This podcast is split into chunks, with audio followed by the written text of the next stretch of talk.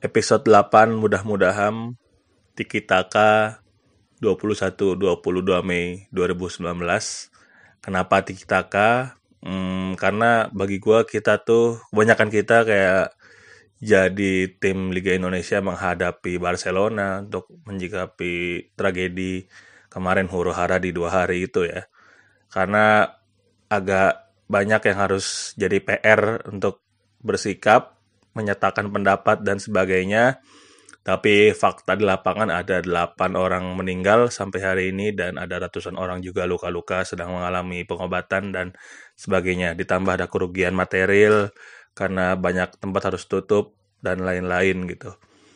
Nah, ini kita kayak ngalamin di gocek-gocek soal rasa kemanusiaan kita karena aksi pasti landasannya kebebasan berpendapat dan sebagainya tapi berubah menjadi huru hara yang kita juga nggak tahu berubahnya tuh dimulainya oleh si masa aksi kah atau masa yang dikondisikan kah. Dalam tanda kutip ada provokatornya. Kemudian atau emang orang yang disetting oleh negara mungkin kepolisian dan sebagainya itu kita masih belum tahu karena uh, narasinya sangat bertarung di area sana. Kemudian juga kita dalam sisi kemanusiaan juga agak bingung untuk melihat uh, gimana polisi sampai 2019 ini masih begitu keras, masih begitu kasar menangani eh, orang-orang uh, masyarakat sipil yang beraksi. Walaupun in case ada eh, hal-hal uh, kekerasan juga yang dilakukan oleh masa aksi gitu. Kita harus dibikin bingung untuk bersikap dan sebagainya. Untuk itu episode ini ada. Kita akan ngobrolin bareng Rifanli dari Kontras uh, turut berduka untuk para korban yang yang harusnya menjadi pembelajaran bagi Indonesia untuk tidak melakukan hal-hal yang serupa. Juga pesan bagi para elit politik untuk tidak lagi memakai politik identitas, polarisasi, dan sebagainya, dan kita semua untuk terus merawat Indonesia untuk menjadi lebih humanis, manusiawi, aman, dan sebagaimana mestinya. Terima kasih, selamat mendengarkan. Oke, kembali lagi di mudah-mudahan. Uh, ini kita bakal ngomongin episode yang lumayan berat, tapi aktual banget karena belakangan berapa hari lalu kita ngalamin lagi satu tragedi kemanusiaan. Tragedi kemanusiaan jelas karena ya ada yang meninggal. Karena ada yang meninggal. Ada yang meninggal. Sejauh hari ini ada 8 orang. Entah siapa pelakunya, motif dan sebagainya. Tapi ya ada mayat, ada ratusan orang luka dan sebagainya Nah, kalau tadi dengar suara-suara ini ada, kita udah kedatangan teman ngobrol uh, peneliti dari Kontras yakni Rifanli. Ya, halo teman-teman mudah-mudahan mudah-mudahan mengerti ham. Ya, amin. uh, ini kita bakal ngobrolin soal yang udah banyak diulas di media sebenarnya tapi kita mau ngobrolin di versi kitanya ada beberapa hal yang perlu dilurusin atau perlu teman-teman lebih ketahui dan sebagainya. Uh, tadi selain ada fakta soal meninggalnya 8 orang, lukanya ratusan orang dan sebagainya. Uh, ada juga kayak suara-suara ini memakitkan people power yeah. sebagaimana aksi di 98. Yeah. Walaupun kalau di 98 berdasarkan penelitian tim cari fakta juga sebenarnya nggak kalau yang kejadian tragedi kemanusiaannya yakni kerusuhan dan pemerkosaan yeah. itu juga bukan people power people power amat ya. Yeah, betul. Itu di endorse oleh uh, masa provokator yang analisisnya adalah badan tegap, yep. rambut cepak, berseragam, ABRI lah inisialnya ya. Wadaw. Kalau kali ini yang bikin jadi pembeda juga banyak nih, Pan. Yeah. Apa aja nih menurut yang jadi pembeda antara ini kejadian huru hara 98 sama kejadian hari ini sekarang gitu. Pembedanya adalah penyebabnya. Penyebabnya mungkin kalau 98 adalah situasi ekonomi tok gitu kan, terus sama ke, uh, kebosanan dipimpin oleh rezim yang otoriter terus ya dan banyak isu-isu lainnya yang pada saat itu muncul. Tapi kalau hari ini uh, menurut gue pribadi menurut gue pribadi itu karena ketidakterimaan salah satu uh, pendukung calon motifnya cetek banget jadinya. Motifnya ya, ya rendah. Gimana? Bukan rendah juga. Nggak jadi keresahan bersama. bersama. Bersama. Mungkin mungkin yang jadi keresahan bersama bahwa kita percaya bahwa ada lima ratusan petugas KPPS yang mati Tewas. itu itu kalau diaksikan mak- maksudnya dijadi jadikan aksi tuntutan bersama Jadi momentum evaluasi penyelenggara pemilu negara dan sebagainya. kayak gitu itu keren banget Lebih bunyi gitu. ya. Ha, tapi kalau ini kalau misalkan dianggapnya kecurangan tapi belum terbukti karena kecurangannya hanya versi dari eh, salah satu calon saja dan itu belum dibuktikan baik melalui MK atau Bawaslu itu sendiri. Nah ini yang agak orang-orang mungkin bertanya-tanya kenapa masih ada aksi. Makanya wajar lah ketika muncul narasi publik ketika aksi tersebut eh, ada udahlah legowo aja, udahlah terima aja dan lain-lain kayak gitu. Ini bertolak belakang dengan salah satu eh, calon presiden yang menyebutkan bahwa dia meragukan eh, MK, Bawaslu dan KPU kayak gitu. Toh cara pembuktian untuk eh, menemukan kecurangan itu, membuktikan kecurangan itu adalah melalui otoritas-otoritas tersebut. Ya, Kayak ada, ja- ada jalurnya ya. Ada jalurnya. Walaupun memang kita nggak bisa menafikan ada konten-konten kecurangan bahkan di dari segi kampanye, Iya. menteri, menteri ikutan, Iya. A- ASN bergerak, Ya, betul. dan sebagainya itu udah eh, itu emang hal yang terjadi tapi kayaknya nggak semasif, terstruktural dan apalagi TSM tuh ya Terus menyeluruh, masif, sistematis. sistematis S-nya itu emang ada istilah baru tuh TSM. Trans Studio Mall. Iya, kita nggak disponsorin tuh. Iya, Tapi kalau enggak. boleh ya nggak apa-apa lah, dihubungin aja nanti. Pak, Eh, itu dia tuh jadi eh, motifnya atau la- landasannya nggak terlalu dalam yang melandasi si aksi kemarin sehingga kayaknya apaan sih ini ya? Iya, betul. Jadi kalau gue mau bicara di luar aksi yang terjadi, sebetulnya yang patut kita bicarakan, yang mana ini adalah isu yang tertutup karena aksi kerusuhan tersebut adalah soal kebebasan berkumpul kita, soal menyuarakan pendapat kita, soal hak untuk protes kita. Ya, ya, negara udah kayak Parno banget Iya. melihat situasi pengkondisian eh, orang-orang ngajak rame-rame ada aksi jihad, Ya. ada ada disebut, disebut tur malah kan eh, untuk kota-kota lain untuk naik bis berbondong-bondong. Terus polisi juga udah nyiapin eh, sensor dari jauh-jauh wilayah Iya, udah iya. nyetopin. Nah, sebenarnya itu berlebihan sebenarnya. Berlebihan banget, berlebihan banget karena kalau dari segi kebebasan berkumpul itu nggak bisa dilakukan, gitu loh. Kenapa? Karena polisi sebetulnya punya mekanisme reguler buat mendeteksi dini ancaman akan terjadi. Baik itu polisi, baik itu bin maupun bin, maksud gue begitu. Jadi kalau ketika udah ada woro-woro, aksi akan dilakukan pada hari tertentu. Terus dia memeriksa sa- dari tahapan stasiun sampai eh, apa kampung Perbatasan-perbatasan. perbatasan perbatasannya itu agak sedikit berlebihan kayak gitu loh. Bahkan secara nggak langsung ini bisa diartin juga ada juga pencabur adukan antara yang mau aksi kemarin dikategorikan sebagai kelompok teroris Yap. karena di titik-titik tertentu Iya, ada betul. Unit-unit teroris yang dibekuk dan sebagainya Iya. gitu-gitu ya. Yang perlu gua perjelas lagi kenapa disebut berlebihan karena ini akan berdampak pada makna dari kebebasan berkumpul itu sendiri. Jadi kalau misalkan hari ini ini gue bicara kebebasan berkumpul ya tanpa kerusuhan dulu ya. Kalau misalkan aksi eh, di satu titik tertentu terus dia di di screening dulu besoknya itu akan dilakukan seperti itu juga gitu loh jadi hal pertama kalau ketika udah berhasil dilakukan ke depannya akan Jadi standar yang baru. standar baru itu yang itu yang bahaya dan dan di situlah yang berlebihan gitu Nah, terus ada lagi bahasan-bahasan menarik.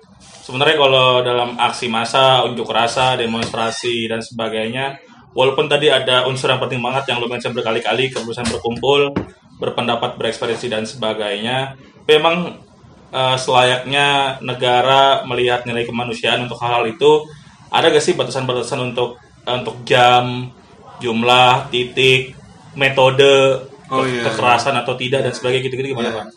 Kalau dari general comment terus dari artikel 19 dia bilang kalau kalau kebebasan berkumpul, kebebasan untuk protes itu hadir dalam beberapa ragam lah ya. Misalkan kayak ada banyak bentuknya, terus ada banyak lokasinya, ada banyak tujuannya, ada banyak yang dituntut itu siapa, kayak gitu itu bebas-bebas aja. Misalkan kalau bentuknya itu semacam ya gue mau blokade jalan atau gue mau apa namanya eh, boykot sesuatu itu sah-sah aja sebetulnya. Asal jangan dibenturin antara narasinya si yang aksi dengan narasi yang misalkan kayak kemarin ya rame-rame eh, orang mau berangkat kerja jadi susah terus eh, sama karena aksi. Jadi negara jangan mencampur adukan itu dong karena negara bisa mengkondisikan situasi jalan raya dan betul sebagainya ya. betul. Itulah eh, masa udah dikasih tahu masa dia nggak nyiapin sesuatu. Itu kan ada miss juga sih menurut gue kayak gitu. Terus tentang mekanisme pembatasan yang harus yang mungkin yang biasa terjadi di beberapa negara ini munculnya bertahap jalan jadi nggak semena-mena misalkan kalau aksi kamisan di sini dibatasin sampai jam 5 doang atau sampai jam 6 doang itu ternyata kecenderungannya dimulai dari negara-negara luar gitu. Pelan-pelan dia mulai membatasi. Pembatasan itu dimulai biasa dari jam. Terus ma- masuk ke lokasi. Dulu di HI masih boleh aksi kan? Ya, Sekarang- Kebetulan 98 di salah satu diawali oleh aksi ibu-ibu kan. iya itu kayak gitu. Komentarin harga susu naik waktu itu. iya. Tapi eh, pembatasan itu dimulai bertahap dan seolah-olah wajar.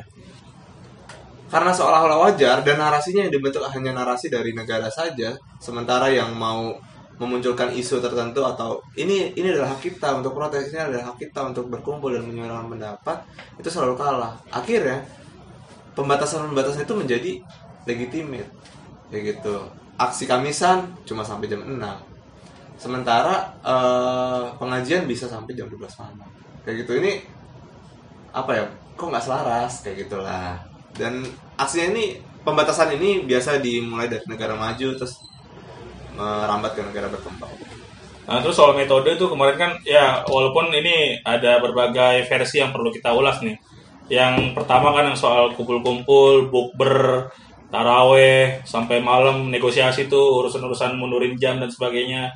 Dan masa-masa yang eh, melakukan itu pulang ya kembali ke rumah berganti dengan eh, sekelompok masa yang lain. Kayak gitu-gitu tuh yang akhirnya melakukan metode kekerasan katanya sehingga Iya.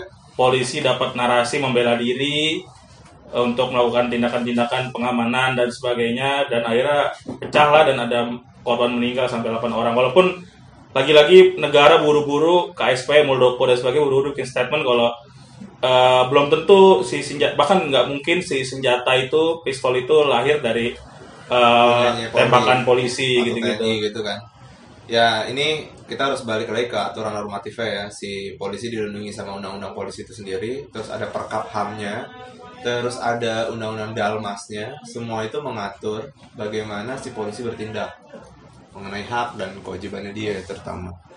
Nah dalam menangani situasi aksi atau ses- sesuatu aksi yang menuju atau ke, ke- ke kerusuhan itu mereka harus lihat proporsinya seperti apa jadi ada namanya asas legalitas asas proporsionalitas dan necesitas semua itu harus dilihat dan diukur kayak gitu misalkan hari ini kita udah dengar kalau ada 8 orang yang tewas dan ratusan orang yang luka-luka eh, baik itu ringan maupun berat itu semua terjadi karena apa karena sewenang-wenang kan baik itu ulah polisi atau ulah warga yang membantu polisi iya kan? itu dia diciptanya kayak gitu ya Iya, itu apakah sewenang-wenang, apakah terukur? Kayak gitu. Kalau terukur kenapa kok nanya leher? Itu kalau di time zone udah dapat poin tinggi tuh, leher. Leher ke atas lah itu dapat poinnya tinggi. Nah, di CS langsung meninggal wah, setelah tembak kan. Terus ada yang kena di dada juga. Kok dari dari titik eh, kena titik tubuhnya si korban itu kok kenanya di titik-titik yang vital ya dada lah ya leher lah kayak gitu loh nah ini kan ini kenapa begini gitu padahal ada metodenya ada tahapannya misalkan kayak dia kalau kalau perindu kalau kerusuhannya itu hanya sebatas dari 10 orang melawan 3000 itu udah nggak proporsional berarti kan kasih aja gas air mata bubar kalau gitu kemarin kan. banyak kan Iya. Atau gas air mata dua kali, tiga kali kan sampai nangis-nangis deh tuh. Artinya Tuh untuk menghindari timpukan ya cukup tameng iya tameng. Itu kan semuanya kayaknya udah disiapin ya kalau kemarin tuh gue lihat ada 50.000 ribu personil coba bayangin. Eh, terus aksinya memang diduganya ada ribuan juga. Tapi kan itu tersebar di beberapa wilayah kayak gitu. Dan yang yang muncul adalah semua semata-mata polisi telah berhasil melakukan pengamanan eh, atau rela, rela, waktunya tengah uh, malam. panas-panasan juga. Iya. terus buka puasa bareng terawih dan lain sebagainya. Tapi dia nggak ngeliat bahwa ada satu kejadian ya. Mungkin tidak terukur oleh kepolisian atau aparat yang bertugas. Mengulangi kesalahan penanganan pada saat 98 bisa dibilang dan tragedi-tragedi kemanusiaan iya lainnya ya. betul. Dan kalau menurut gue ya mengapresiasi itu sangatlah wajar gitu. Wajar mengapresiasi kerja eh, satu lembaga negara tertentu tapi jangan berlebihan. Karena apa? Karena kerjanya dia nggak dinilai dalam dua hari. Nggak dinilai dalam 20 dan eh 21 dan 22 saja gitu. Kalau lihat laporannya kontras setiap eh, hari bayangkara. Wah itu angka kekerasan polisi kayak gimana bentuk yang modelnya seperti apa itu macam-macam jal. Misalkan ya misalkan dalam proses penyidikan aja nih yang kagak ada unsur-unsur eh, apa ya, kerusuhan ya itu cara cara untuk mendapatkan informasinya dengan disiksa. Baik dengan eh, ditempelin knalpot. Anjay. itu ada. Jadi mukanya ditempelin knalpot Itu tahun berapa tuh? tahun ini. Astagfirullah. kejadian di Sika NTB kalau nggak salah. Eh, NTB atau NTB gue lupa deh itu daerahnya. Itu ditempelin. Kenapa? Karena yang bersangkutan make motor make knalpot itu di motornya. Bisik bising. Jadi model model tuh begitu. Nah, Kemarin di media juga ya, orang main ciduk, Ya. ngundulin, milok badan, gila, lidah sampai dipilok-pilok juga tuh. sampai alat kelamin juga dipilok-pilok juga. Astaga. terus dipukul pakai rantai lah terus eh, dan lain sebagainya. Tapi kekerasan polisi ini itu merambat pada masyarakat masyarakat sipil. Jadi waktu di Mayday ini agak sedikit melenceng tapi gua rasa bisa jadiin contoh buat penanganan aksi berikutnya. Waktu di Mayday di Bandung terutama gua datang ke sana itu polisi melakukan kekerasan. Tukang grab sampai ikutan. Nah jadi kalau seolah-olah begini nih ada kerusuhan terjadi polisi bisa melakukan tindakan sewenang-wenang pemukulan atau apa Hakim namanya, sendiri, uh, main hakim sendiri. Yang lain yang lihat oh polisi aja udah. Pelampiasan. kenapa gue kagak? Gitu loh. Jadi ada ketika satu satu aparat negara melakukan kekerasan bisa jadi contoh buat masyarakat sipil lainnya untuk melegi- mendapat legitimasi melakukan kekerasan juga. Gitu. Oke, eh, pelik banget emang di permasalahan kondisi HAM praktek-prakteknya oleh aparat kita ya. kayaknya Iya. emang belum belajar banyak dari berbagai momen Iya. kekerasan yang akhirnya ada korban luka sampai tewas Iya, dan betul. sebagainya gitu. Betul. Terus juga ini yang perlu perlu diketahui juga ya sama publik ya. gue sempat bikin satu tweet yang yang Oh iya, Rifan ini seleb tweet Oh, tai. dan sampai di repost oleh akun-akun Instagram tuh. Gila, prestasi banget kayaknya. iya dagelan tapi. Jadi gue bilang begini, kalau yang patut waktu itu gue nanggepin GM sih, karena GM cuma condong ke satu sisi, terus sisi yang lain diserang, diminta salah satu calon harus meminta maaf dan lain sebagainya. Menurut gue kedua belah pihak ini negara dan si yang mau yang batal jadi negara itu harus minta maaf juga. Masing-masing tuh punya pendukungnya, masing-masing tuh punya eh, pendukung fanatiknya, kayak gitu. Dan Punya sentimen yang dibangun. Iya itu dia dan mereka lah yang turut membangun narasi-narasi ini. Ini kalau kita lihat rentetan peristiwa yang terjadi berujungnya itu hari 20, 21 dan 22 itu jalan. Rentetannya apa? Konflik elektoral. Gitu. Coba kita lihat model kampanyenya eh sorry dari presidensial threshold yang bikin cuma dua calon. Ya kan kalau kayak- Polarisasi jadi Iya polarisasi makin tajam. Terus juga model kampanye yang dikit-dikit ada hoax, ada menebar kebencian, ya kan? Eh apa ya? Menurut gua kayak ada upaya yang dibentuk antara kayak kalau lu bukan gua, ya lu dia, gitu dan Orang sebaliknya. Jadi cara melihatnya itu ada hitam putih benar-benar hitam putih gitu loh. Yaudah kalau lu nggak hitam berarti lu putih dan lu harus gue tiban pakai hitam hitamnya gue. Begitu juga sebaliknya.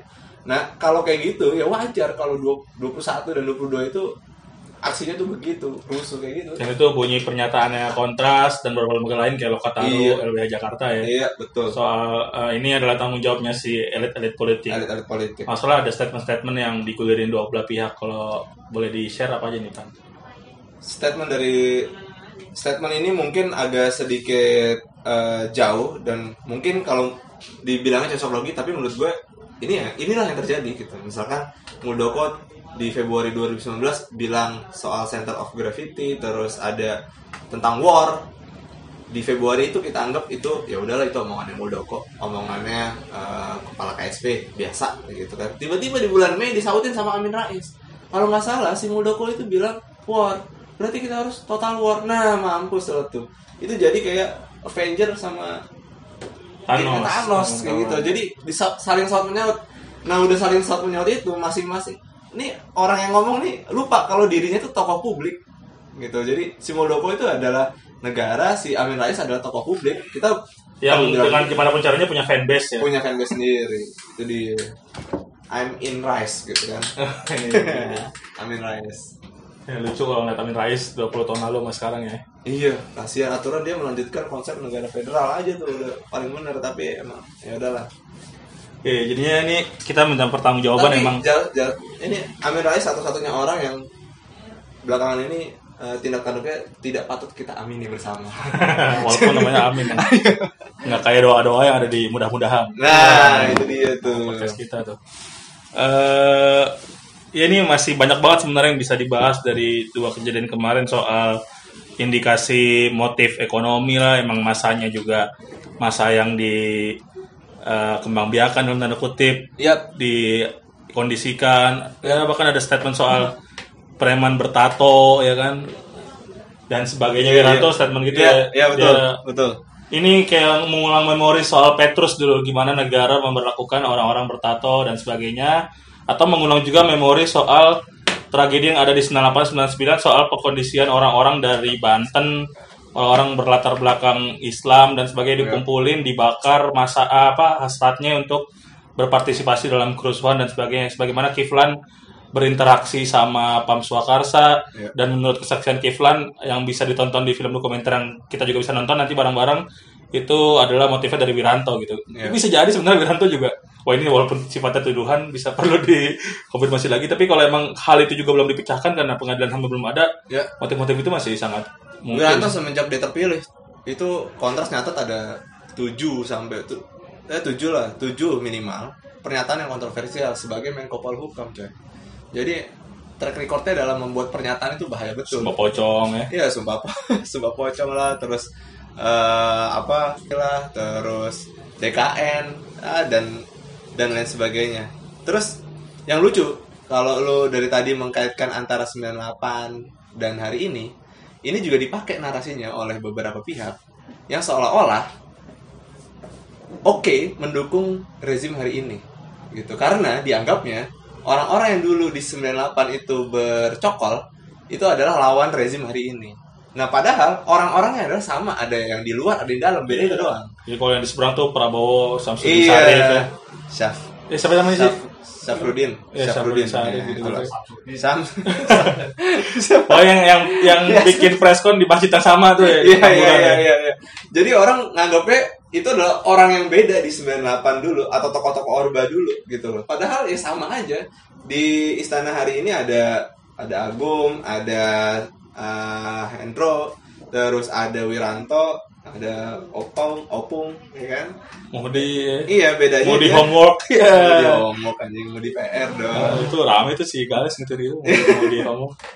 Iya, itu yang coba dibangun narasinya. Gue gue menyayangkan banget ini terjadi dan sayangnya yang yang ngomong ini adalah tokoh publik di Twitter gitu. Jadi mau nggak mau nih media satu media ini bisa bisa mampu memonopoli eh, pikiran-pikiran beberapa orang, terutama orang-orang yang belum tahu apa yang terjadi di 98, tokoh-tokohnya siapa aja dan dibandingin dengan hari ini. Dibangunnya adalah sentimen ketidakterimaan salah satu paslon aja kayak gitu. Itu yang bahaya sih menurut gua. Jadi seolah-olah oke, eh, orang-orang Orba dulu nggak apa-apa eh, ada di apa? Orang Orba dulu nggak apa-apa.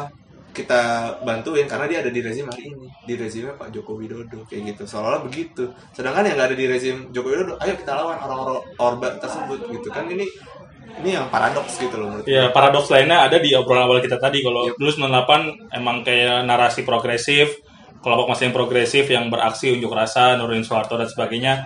Hari ini eh, lahir dari masa-masa yang eh, ibaratnya berlawanan soal pemikiran dan sebagainya Iya. gitu-gitu tapi untuk sudut pandang seorang Rifandi aktivis HAM atau pekerja LSM HAM mem- akankah memandang 2122 Mei sama halnya dengan eh, tragedi-tragedi kerusuhan lainnya gitu kayak Mei 98 dan sebagainya Hmm, 8 nyawa yang hilang dan lain-lain gitu. enggak eh, yang kalau secara aksinya kebebasan berku- berkumpulnya itu iya ya karena siapa pun bisa melakukan kebebasan berkumpul dan harus dan dijamin oleh negara. Tapi kalau soal tuntutannya, soal penyebabnya itu kan beda. Dan yang sama apa Jal?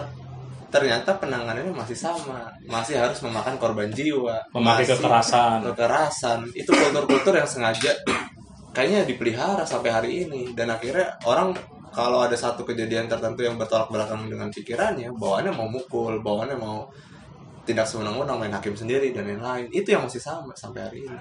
Dan itu yang menurut gue luput ya dari perbincangan publik. Karena kita kita udah takluk sama eh, narasi-narasi tentang polisi nyanyi eh, bersama lah joget bareng lah terus eh, lain-lainnya gitu.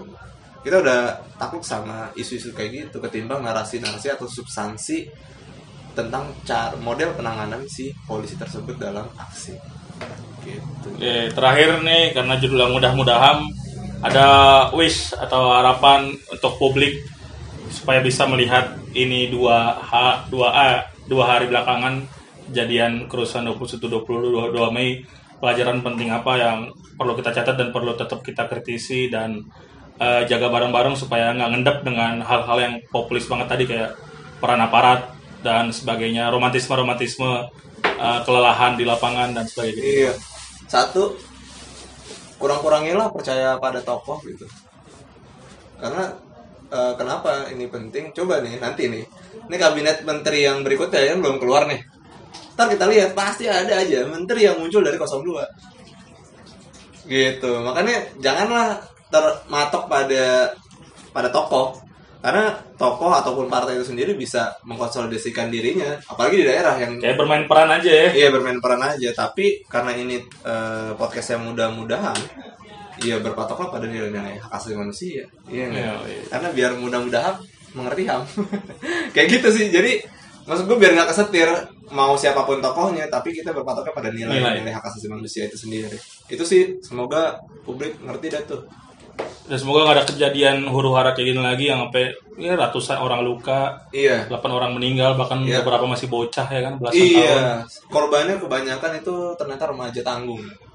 Tanggung, tanggung mau disebut remaja tanggung, mau nyebut dewasa tanggung, jadi remaja tanggung gitu. Ya, ya. Oke, terima kasih Rifanli sudah mau uh, diganggu padahal padahal lagi bukber nih. lagi Iya. bukber. Bukber Uh, berdua. Iya, begitulah. Uh, terima kasih juga teman-teman udah mau dengerin, semoga dengerin sampai habis dan mau ikut share uh, obrolan soal HAM ini kerusuhan 21 22 Mei ke sebanyak-banyak orang. Uh, semoga kita masa, masih bisa belajar lebih banyak untuk jadi negara yang menerapkan kemanusiaan yang adil dan beradab. Wadah, Pancasila. Pancasilais ya. Iya, iya, iya. Oke, terima kasih. Sampai jumpa di episode berikutnya. Bye. Hidup, hidup korban, Jangan diam. jangan diam. Oke. Masih apa ternyata di Masih. oh, eh, abis